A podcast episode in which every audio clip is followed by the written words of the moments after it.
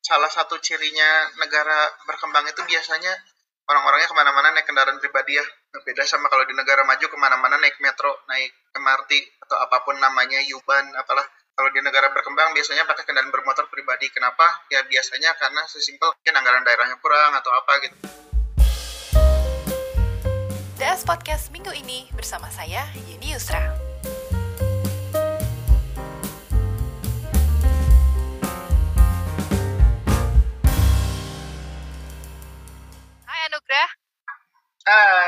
Kabar? baik, baik. Anugrah biasanya dipanggil apa sih selain nama Anugrah? Kayaknya gue kesannya gimana gitu manggil lo Anugrah. Panggilannya ASO, Aso, ASO. oke. Kaso atau Aso? A. Aso, oke Aso. Nah. Eh, sebelum kita dive in ke conversation, mungkin Aso bisa menjelaskan Jaramba itu sebenarnya apa sih? Jaramba itu kayak Google Maps tapi tiketnya bisa kita beli. Kayak Google Maps. Kayak Movit tapi tiketnya bisa kita beli. Maksudnya seperti apa? Transportasi at- apa atau apa mungkin bisa di-expand? Ya, jadi eh, Jaramba itu eh, platform atau aplikasi yang ngegabungin, nge- ngeintegrasiin aneka moda transportasi umum gitu. Jadi Hmm. se- sepanjang itu adalah transportasi umum, maka itu bisa diintegrate ke dalam Jaramba. Nah, untuk eh, awal ini kita ngintegrasiin ada satu jurusan bus kota dan ada tiga jurusan angkot di dalam platform kita. Jadi pengguna bisa pakai em, angkutan umum dengan lebih mudah gitu. Konsep seperti ini masih relevan nggak sih saat ini? Kalau kita lihat kan angkot ya, angkutan angkutan kota kan udah mulai menipis nih jumlahnya nih. Atau Hmm. mungkin correct me if I'm wrong, ternyata masih banyak nih angkot di wilayah-wilayah tertentu. angkot ya angkot lagi ini saya mengutip sama pelakunya sendiri ya. Mereka bilang angkot sedang berjalan menuju kematian. Ya jadi memang jumlahnya jumlahnya true ya. sedikit. Ya jumlahnya jumlahnya sedikit gara-gara gara-gara pandemi. Nah, spesifiknya gara-gara ini sih market mereka kan anak sekolah. Terus Hmm. habis itu eh, pas pandemi school from home. Jadinya Oh. Nah, jadinya angkot nggak laku deh karena karena captive market mereka eh, diem di rumah gitu, Uh-uh. nggak bepergian gitu. Nah, terus kalau tentang relevansinya, ya itu kalau Jaramba eh, pada prinsipnya adalah kita ngintegrasiin aneka eh, transportasi publik gitu. Hmm. Jadi bukan cuma angkot aja, jadi eh, misalnya nanti di masa depan ada di Bandung atau di mana pun itu ada MRT, ada LRT, ada apa pun itu ya bisa Hmm. kita integrate gitu Hmm. karena se- sepanjang itu adalah public transport maka itu bisa masuk ke dalam platform kita gitu. Oke, ini tapi sekarang eh, kawasannya masih di Bandung atau udah keluar dari Bandung? Masih di Bandung untuk sekarang Bandung. Raya lah, Bandung mepet-mepet luar dikit. Oke, kenapa nggak nggak melakukan ekspansi gede-gedean kayak di Jabodetabek? Kenapa fokusnya ke Bandung dulu? Selain mungkin base campnya di Bandung ya? Hmm, karena karena di di Bandung apa ya kayak living lab yang menarik buat kita untuk kita untuk kita mulai untuk kita jadikan fondasi gitu. Karena Oke, eh, dari Bandung eh, kawasan metropolitannya aja gede kan, terus ada banyak tempat wisata, eh, terus habis itu dari situ kita bisa loncat ke provinsi Jawa Barat gitu. Jadi eh, apa ya eh, step by stepnya lebih kebayang. oke. Dari sisi fitur, apa sih yang paling berguna untuk pemilik angkot atau kendaraan umum, angkutan umum lainnya? Kalau kita lihat kan perlu adanya edukasi ya bagi mereka yang kurang tech savvy atau ternyata justru mereka udah terbiasa nih dengan teknologi nih saat ini. Enggak, mereka tidak tech savvy itu memang PR buat kita. Ya, tapi ya nggak apa-apa. Jadi dengan kayak gitu kan jadi orang lain susah mau masuk sini. Oke. Jadi Karena dibikin MAS itu- sesimpel mungkin ya. Iya, MAS kan ini ya apa eh, sebenarnya bisa dibilang udah ada di negara maju lah, Ba- baik itu dijalankan oleh swasta maupun oleh pemerintah kotanya. Hmm. Cuma kalau di negara berkembang kan masih sangat jarang ya. Yang yang udah settle itu baru ada di Bangladesh sama di Filipina. Nah, kita mau coba di Indonesianya MAS gitu. Jadi MAS konteks negara berkembang gitu. Oke, jadi aplikasi ini bisa diunduh oleh semua pengguna di App Store dan di iOS ya? Di Play Store Kalau dan sekarang iOS? masih web app kita Oh, masih di web app. Ada Iya. rencana ngeluarin aplikasi atau fokusnya memang masih di web app aja? fokusnya untuk sekarang di web app dulu. Hmm. Hmm. Kalau kita lihat kan konsep seperti ini kan udah udah udah dijalankan oleh mungkin tadi Aso sempat mention Google, tapi uh, Gojek juga punya Go Transit. Konsepnya seperti itu enggak? Hmm. Atau ternyata berbeda dengan Go Transit dari Gojek? Ya, mirip Go Transit. Cuma bedanya kita lebih fleksibel aja karena kita nggak terikat sama satu vertikal atau sama satu moda. Saat ini kan uh, mulainya dari angkutan umum dulu, sorry dari hmm. angkot ya. Selain angkot, apalagi yang bisa disasar oleh Jaramba? Oh iya, uh, kalau untuk sekarang kan kita angkot sama bis kota. Ya, abis itu kita uh, tambahin aja horizontalnya. Jadi angkotnya makin banyak jurusannya, bis kotanya makin banyak jurusannya gitu. Gitu, bis kotanya, kalau, bis kotanya tapi yang benar-benar intercity aja ya, nggak yang keluar ya? Maksudnya keluar provinsi kayak gitu, ah, itu ah, ah. ini sih ada ada di pipeline kita, cuma oh. belum untuk sekarang. Uh, mungkin bisa di-share asal cara kerjanya itu seperti apa sih? Cara kerjanya jadi uh, pertama kita ditunjukin dulu tuh uh, ada ada posisi bus ada posisi bus damrinya di mana aja real time gitu. Jadi kita bisa tahu oh busnya masih jauh tuh berarti kita bisa misalnya bisa jajan dulu atau bisa makan dulu. Terus kalau oh. bisa udah dekat baru kita uh, nunggu di pinggir jalan tuh. Uh. Gitu. Jadi uh. begitu buka app itu langsung kelihatan peta yang nunjukin posisi bus secara real time. Iya. Yeah. Gitu. Sebenarnya konsep seperti itu memang mirip mirip banget dengan Google ya, dengan Google Maps yang tadi Aso bilang ya. Cuma kalau Google Maps nggak ada real time position paling itu aja. Oh oke, okay. nah. itu menarik tuh karena buat pengguna angkutan umum jadi jadi tahu banget ya. Jadi nggak benar kata Aso ketika masih lama bisa mengerjakan yang lain ya. Hmm, karena kan sebenarnya yang apa dari hasil uh, apa research kita juga yang dibutuhin sebenarnya bukan bukan kecepatan tapi lebih ke kepastian. Maksudnya kecepatan ya yeah. penting tapi yang lebih utama adalah kepastian. Jadi misalnya nunggu lama tapi dia pasti tahu uh.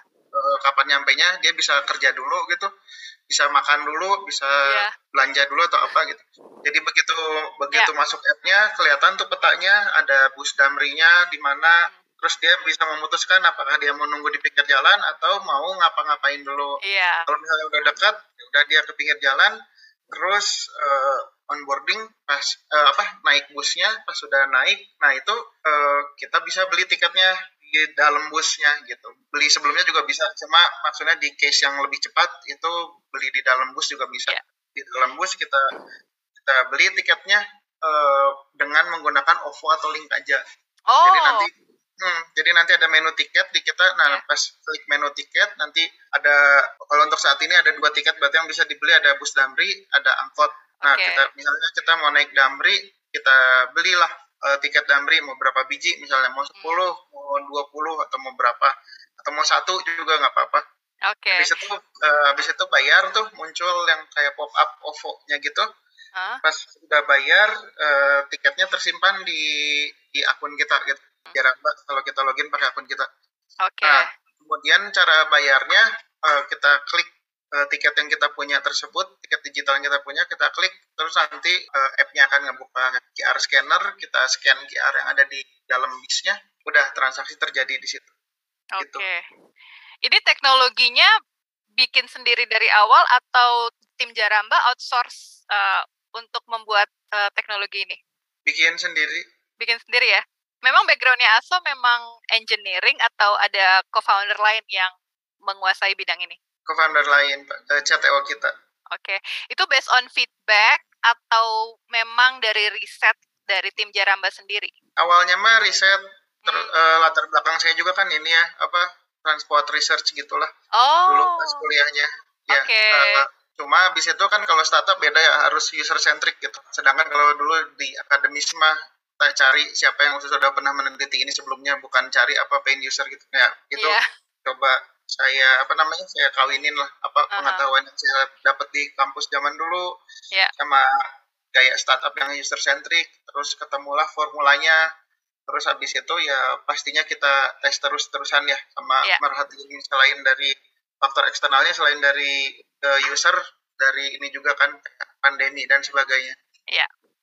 Harapannya ASO dengan Jaramba ini apa sih untuk pemilik angkutan umum dan dengan user sendiri? Harapannya apa sih? Apakah sekedar untuk membantu mereka memperluas uh, kanal uh, pilihannya atau justru untuk membantu si pemilik angkutan umum? Nah, kita jelasin dari uh, benefitnya atau objektifnya buat uh, stakeholder transportasi dulu. Jadi hmm. selain pertama tentu apa kita ngebukain channel yang lebih banyak.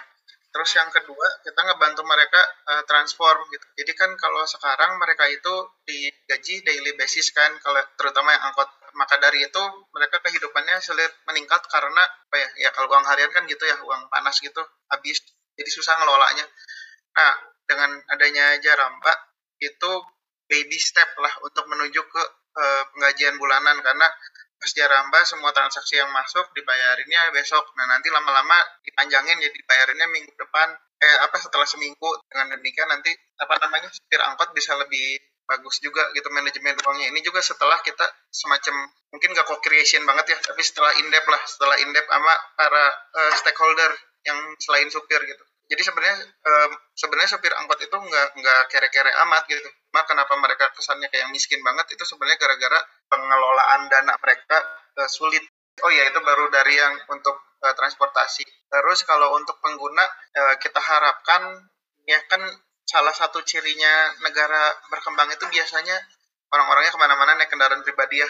Beda sama kalau di negara maju ke mana-mana naik metro, naik MRT atau apa pun namanya, Yuban, apalah kalau di negara berkembang biasanya pakai kendaraan bermotor pribadi. Kenapa? Ya biasanya karena sesimpel mungkin anggaran daerahnya kurang atau apa gitu. Sehingga ujung implikasinya adalah masyarakat negara berkembang itu biasanya beli kendaraan bermotor pribadi dan ketergantungan terhadap kendaraan bermotor pribadi. Nah itu yang berusaha kita uh, kurangi gitu. Kenapa orang pakai kendaraan bermotor pribadi? Karena naik angkutan umumnya ribet, susah, gak jelas, ya. enak, apa pun itu yang jelek-jelek semuanya kayaknya ada gitu di angkutan umum. Nah itu berusaha kita resolve gitu ya meskipun service level kita tentunya kita nggak bisa ngeresolve semuanya ya, kayak kenyamanan gitu nggak mungkin kita yeah. jarang providing AC di angkot ya nggak gitu juga tapi tapi kita berusaha uh, pain-pain yang mendasarnya berusaha kita yeah. Iya. uh, tackle gitu kayak kepastian gitu kita memberikan pengguna kepastian ini kapan hmm. damrinya datang ya dan nanti setelah kalau ternyata fitur tracking ini apa namanya uh, valid ya nanti kita lengkapin sampai ke angkot juga bisa kita track gitu. Ya.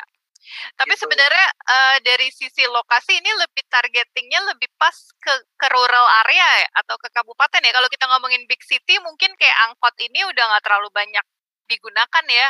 Atau mungkin ternyata masih banyak nih yang angkot di mana-mana di di kota besar juga angkot di semua kota besar masih ada sih kecuali ada, di ya? Jakarta. Di Jakarta kecuali kan di Jakarta. tinggal microtrans saja buat feedernya Jaklingko ya. Nah kalau yeah. di kota besar lain itu masih ada uh-huh. kecuali Jakarta dan Surabaya di Surabaya kayak nggak ada apa-apa. Hmm. Ini nggak ada angkot. Jadi ya, lebih selain di situ lebih, angkot masih eksis sih.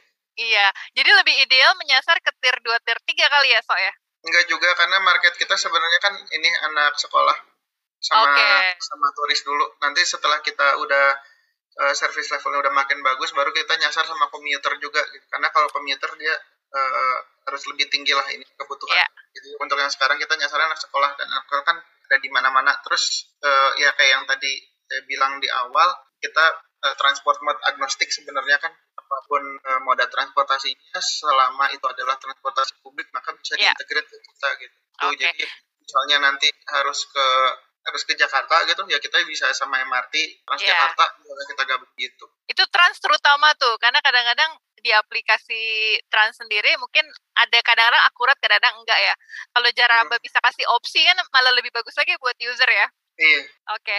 ngomongin kolaborasi selain dengan pemerintah kolaborasi apa lagi sih yang dilakukan oleh Jaramba untuk mendorong pertumbuhan Jaramba ini uh, pertama kalau yang sama pemerintah itu itu uh, ya, kayak basic necessary kita karena kita yeah. akan bermain-main dengan angkutan umum ya kan. Yeah. Sedangkan uh, pemerintah ada regulatornya. Nah, jadi selain pemerintah tentunya kita uh, berpartner sama transport provider atau PTO public transport operator PTO itu ya buat mereka bisa masuk ke dalam uh, platform kita gitu. Itu sih okay. sejauh ini.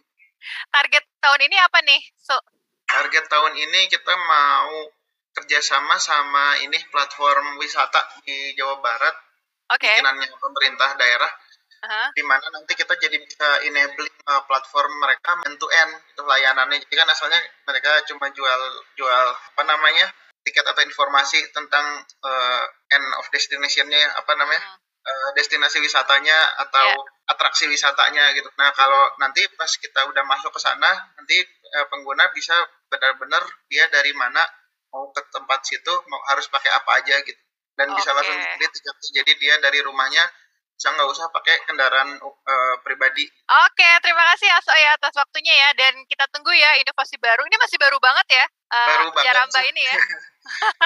baru 7 Januari kemarin kan. Oh wow.